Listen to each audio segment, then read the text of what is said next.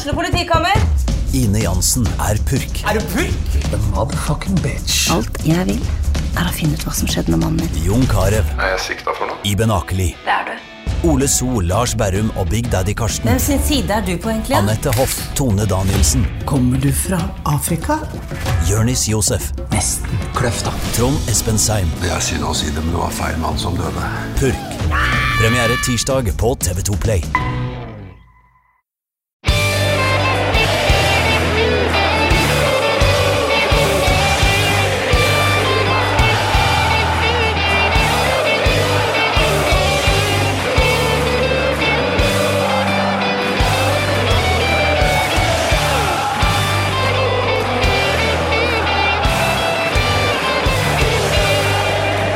Da har det faktisk blitt uh, Lucia-dagen. Det er eh, 13. desember, tro det eller ei.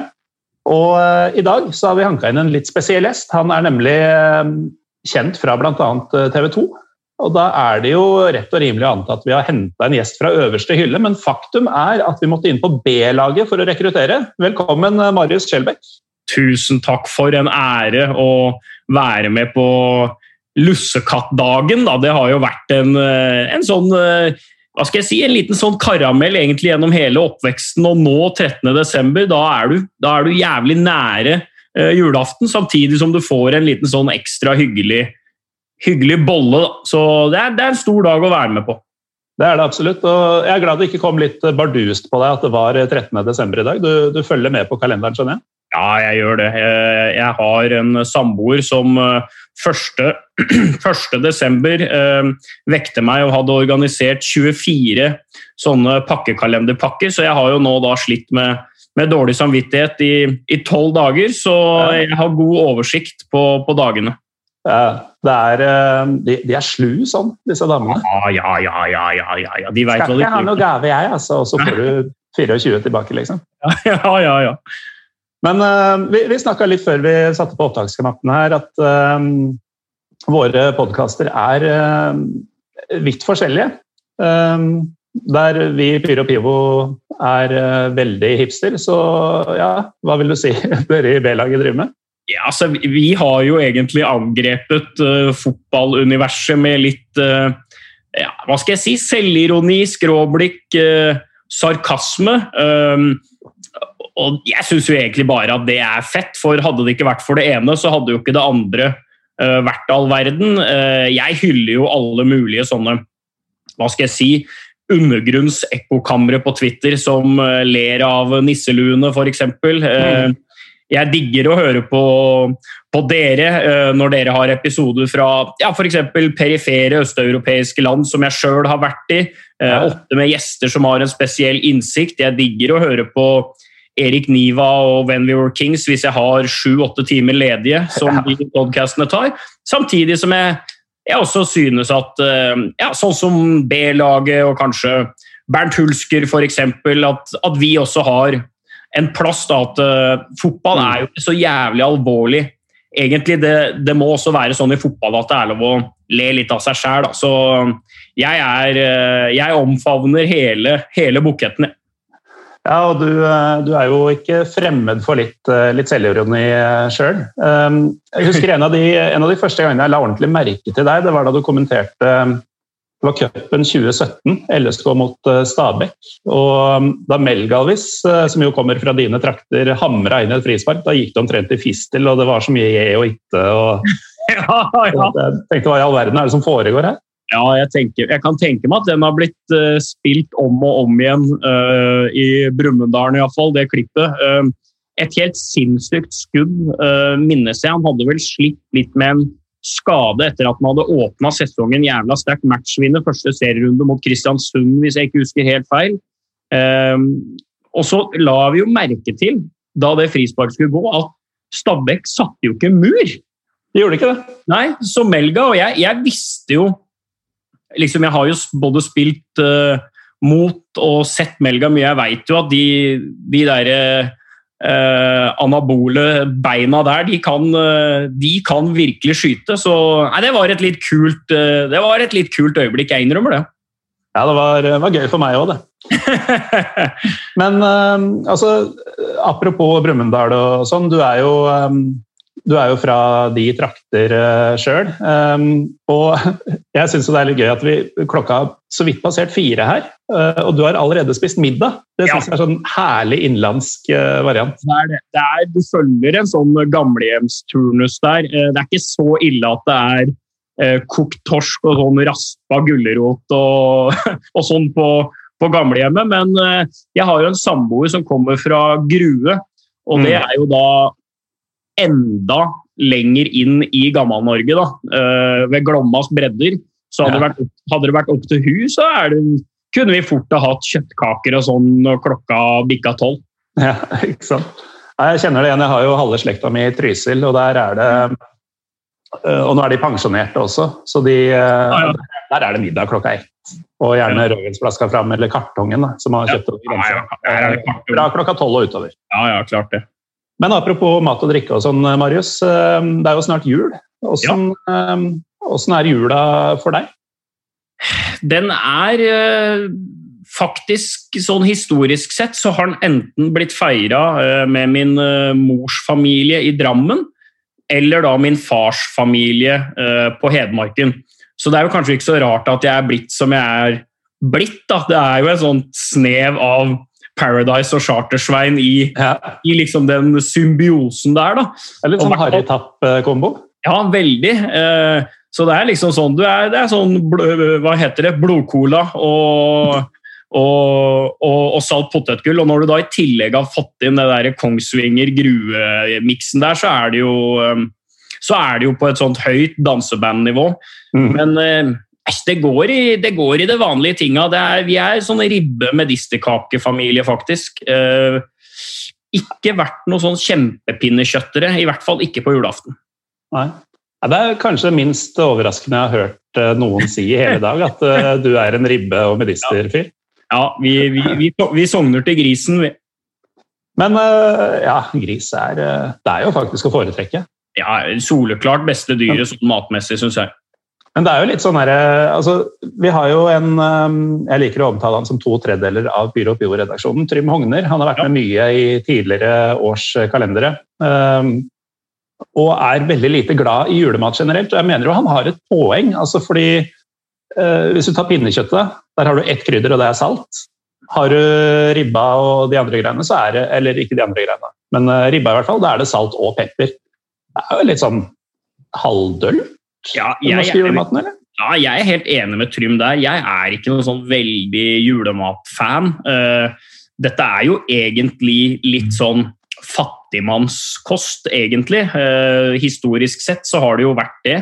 Uh, om å gjøre å bare feite opp mest mulig fordi at man skulle holde lenge ute og, og sånne ting. Så jeg, det er ikke i nærheten av topp 30 matretter for meg julemat. Altså. Nei, ikke sant.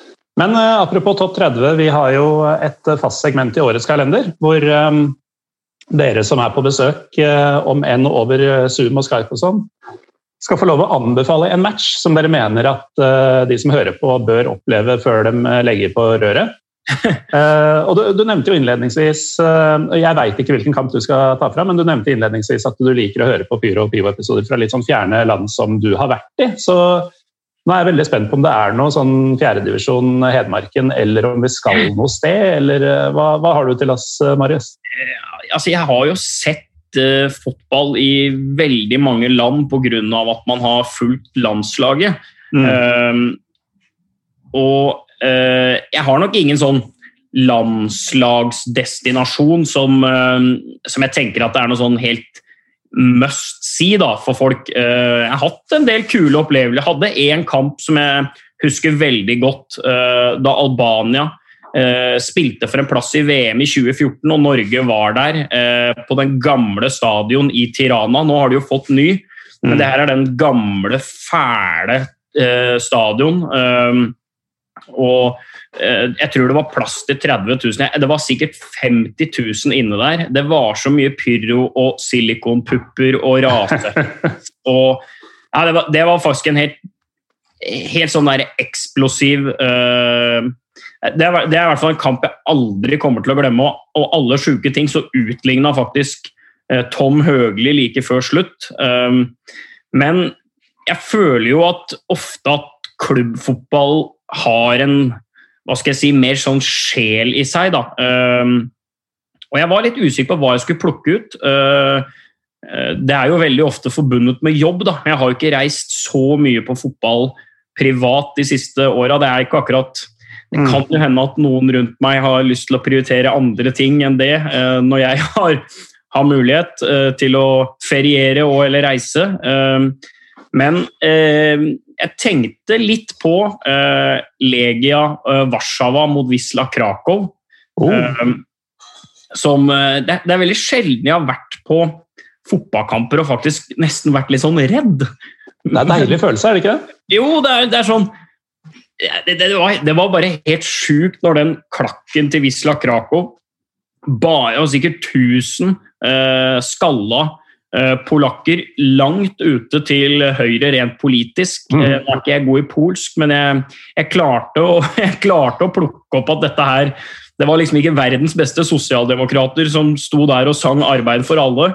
Um, og det, det, bare rista i den der eh, stadion. Jeg så til og med at Henning Berg uh, noen ganger var sånn, snudde seg opp og så på fans og tenkte sånn Fy faen, for en, for en passion og for et altså, regelrett hat! da. Ikke bare mot Wisla Krakow, men mot på en måte samfunnet, mot fotballforbundet. Ja. Det, det, virka bare, det, det virka som de hata alle, egentlig. For det var i Warszawa, dette her? Ja, det var i Warszawa. Ja. ja. for der, eh, altså de, de, hater jo faktisk alle altså opp gjennom åra. Jeg vet ikke om du husker den gangen hvor eh, de ble kasta ut av Champions League. De slo egentlig Celtic, men eh, det var noe, en spiller som ikke var berettiga. Sånn. Ja. De tifoene med de budskapene og sånn som de har diska opp med i årevis etter dette, stort sett i retning Uefa og litt i retning Celtic, men ja. altså de, de, bærer nag, disse ja. legagutta. hun som, uh, hun som uh, begikk den feilen, hun uh, var, hun var ja, si sånn 30, akkurat rundt 30 år, tenker jeg. Mm. Hun uh, skifta jo navn og adresse, levde på hemmelig sted.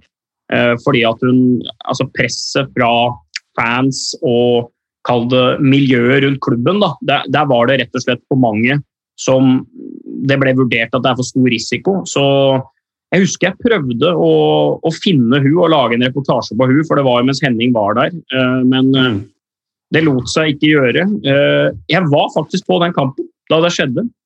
Den, ah. Den kampen ble faktisk spilt på Murrayfield Stadium, altså rugbystadion til Skottland, i Edinburgh, fordi at fordi at uh, dette var mens uh, det her Commonwealth Games ble arrangert. Og det ja. la lag på uh, Celtic Park. Så den kampen mm. Og Hampton Park, tror jeg. Så den kampen ble faktisk spilt i Edinburgh. Det er ganske sprøtt. Og da, da fikk jo Celtic grisehjuling, mener jeg husker. Altså, det var ordentlig overbevisende hvordan Legia slakta dem. altså Med eller uten denne spilleren så virker det som det ville gått den veien. Så jeg skjønner jo litt hvorfor de er forbanna, men uh... Og det var jo den spilleren som ble bytta inn på overtid ja. uh, i den returkampen. De vant jo hjemme i Warszawa, mm. og vant de da i, i Edinburgh uka etter. Uh, så Nei, det var, en, det var en sprø opplevelse, men det var egentlig ikke Legia Warszawa jeg hadde tenkt å anbefale. det var faktisk Celtic. Ja vel. Så det var jævla pussig at, at, du tok opp det. For jeg veit at det er liksom ikke så Det er ikke så, hva skal jeg si, dypt, dypt ned i, i fotballgryta som en uh, uh, klubb i Albania eller Serbia eller Ungarn eller noe sånt, men Nei, men Dette er ditt frie valg. Du, kunne, du hadde sluppet unna med sånn Arsenal-Tottenham også, faktisk. Jeg, hadde, jeg, hadde, det, men jeg er faktisk uhyre svak for Celtic. Uh, som Én ting er jo som klubb og laget sånn fra sesong til sesong, men egentlig mye mer fascinert over eh, institusjonen Celtic. da. Eh, mm. Og egentlig fotballbyen Glasgow én ting, men egentlig hvordan det Hva skal jeg si Det derre universet som Rangers og Celtic er på en måte knytta sammen i. Da. Og, og, det er jo ikke bare i, i, Glasgow. ikke sant? Det gjelder jo Belfast, det gjelder Det er jo masse Rangers Celtic-fans i, i, London, store andre deler av verden. men på en måte Belfast og Glasgow er jo de byene som kanskje stikker seg ut da, som, eh, som på en måte Rangers VS Celtic-byer. Og Celtic har jeg hatt eh, mange fantastiske opplevelser med som eh, journalist. da. Uh, fulgte jo Ronny Deila der. Stefan Johansen, etter hvert Kristoffer Ayer og sett de vel Jeg føler jo at Celtic og Rosenborg møtes et par-tre ganger sånn hver sommer. så ja, det gjør det. Celtic er faktisk eh, et, eh, et, lag og en klubb, og, Glasgow er en by som egentlig burde vært sånn obligatorisk for alle fotballinteresserte, føler jeg. Mm. Og Det er jo egentlig et eh, nydelig tips, fordi altså for meg personlig så har jeg, jeg har vært så vidt innom Edinburgh, men jeg har ikke vært på fotballkamp i Skottland. Og jeg skjønner jo at det er et visst nivå oppi, i Glasgow der. Så ja. De har en sånn, eh, de har en sånn der, kultur og en historie, og, og, gjennom den kulturen og historien så, så er også uh, hva skal jeg si, fansen, uh, byen og innbyggerne de er så, de er så godt oppdratt som uh, fotballsupportere. Mm.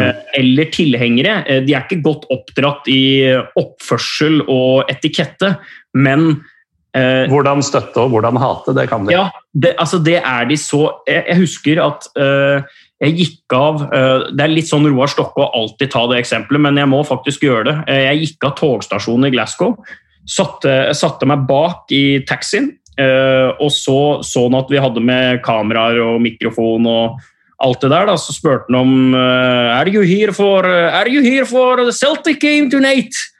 Og så sa jeg ja, ja, vi er det. I've seen every match on the stadium since 1968. Og så sier jeg ok, ja, ja, så bra. Du, du, du er relativt Celtic-fan, du, da, sier jeg da. Og så bare stoppa han taxien, og så snudde han seg. Yesterday I says to my wife, and my wife says to me, Do you love Celtic more than you love me? And I said to my wife, No, I even love Rangers more than I love you. Å, skatter, ass. Ja, det, det, hele den historien med på en måte eh, de fattige uh, arbeiderne fra Irland som i, i, krisetider uh, emigrerte til Storbritannia og blei mm. behandla som rotter, egentlig. Uh, hvor de faktisk først, tror jeg, grunnla Hibernian i Edinburgh som egentlig sin første klubb, og så var det da en annen bror, da, som de kalte seg, som som egentlig grunnla da Celtic i, i Glasgow. og mm. på en måte hele historien der med at hvor eh, De var de første nordeuropeerne som egentlig lyktes som klubb da, eh, i, i, 1967. Så det er synd, syns jeg, at eh, Glasgow Rangers og Celtic spesielt da, ikke har fått tilgangen på de her sinnssyke TV-pengene som mm. Premier League og faktisk bortimot hele championship uh, har. Da, for da, da, tror jeg de hadde vært blant verdens desidert største uh, klubber. I mellomtiden så har vi tak, uh, tatt til takke med litt sånn middelmådig fotball, men med enorme følelser i sving når disse lagene møtes. Så jeg er jo stor fan av Jannis Haji, så uh, kanskje vi ville stått på motsatt side når vi får uh, muligheten igjen. Det hadde vært uh, interessant.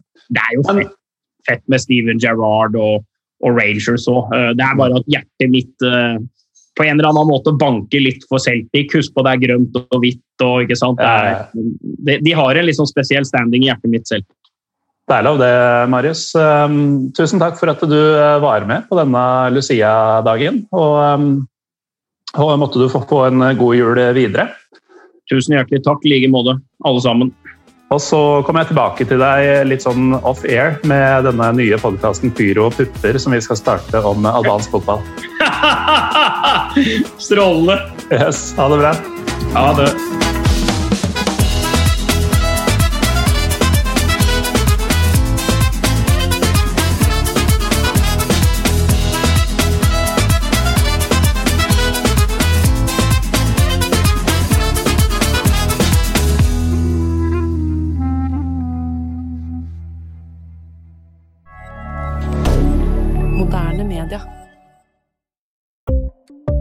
Ukens annonsør er HelloFresh. HelloFresh er verdens ledende matkasseleverandør og kan være redningen i en travel hverdag. Mange av oss har nok vandret i butikken både sultne og uten en plan for middagen, som ender med at vi går for de samme kjedelige rettene gang på gang. Middag burde være dagens høydepunkt. Som Hello Fresh kan du nå velge mellom 25 ulike retter hver eneste uke, eller få Hello Fresh til å sette sammen menyen for deg. Dette gir deg muligheten til å prøve nye og spennende retter alene eller sammen med familien. Du velger antall porsjoner og får alt levert på døren på et tidspunkt som passer for deg. Oppskriftene er enkle, og maten er lett å lage både for store og for små. Ved å få alt levert hjem får du også mer tid til å dele matgleden med familie og venner. Kanskje det frister med asiatiske tacos eller greskinspirert kylling? Da kan jeg anbefale deg om å gå inn på hellofresh.no. Her kan du bruke koden FOTBALL og få opptil 1779 kroner i rabatt på de første fem matkastene hvis du ikke har prøvd Hello Fresh tidligere. Du kan også bruke rabatten hvis du har vært kunde og stoppet abonnementet ditt for tolv måneder siden eller lengre. Gå inn på hellofresh.no og bruk koden FOTBALL. Har du et enkeltpersonforetak eller en liten bedrift? Da er du sikkert lei av å høre meg snakke om hvor enkelt det er med kvitteringer og bilag i fiken, så vi eh, gir oss her, vi. Fordi vi liker enkelt. Fiken superenkelt regnskap.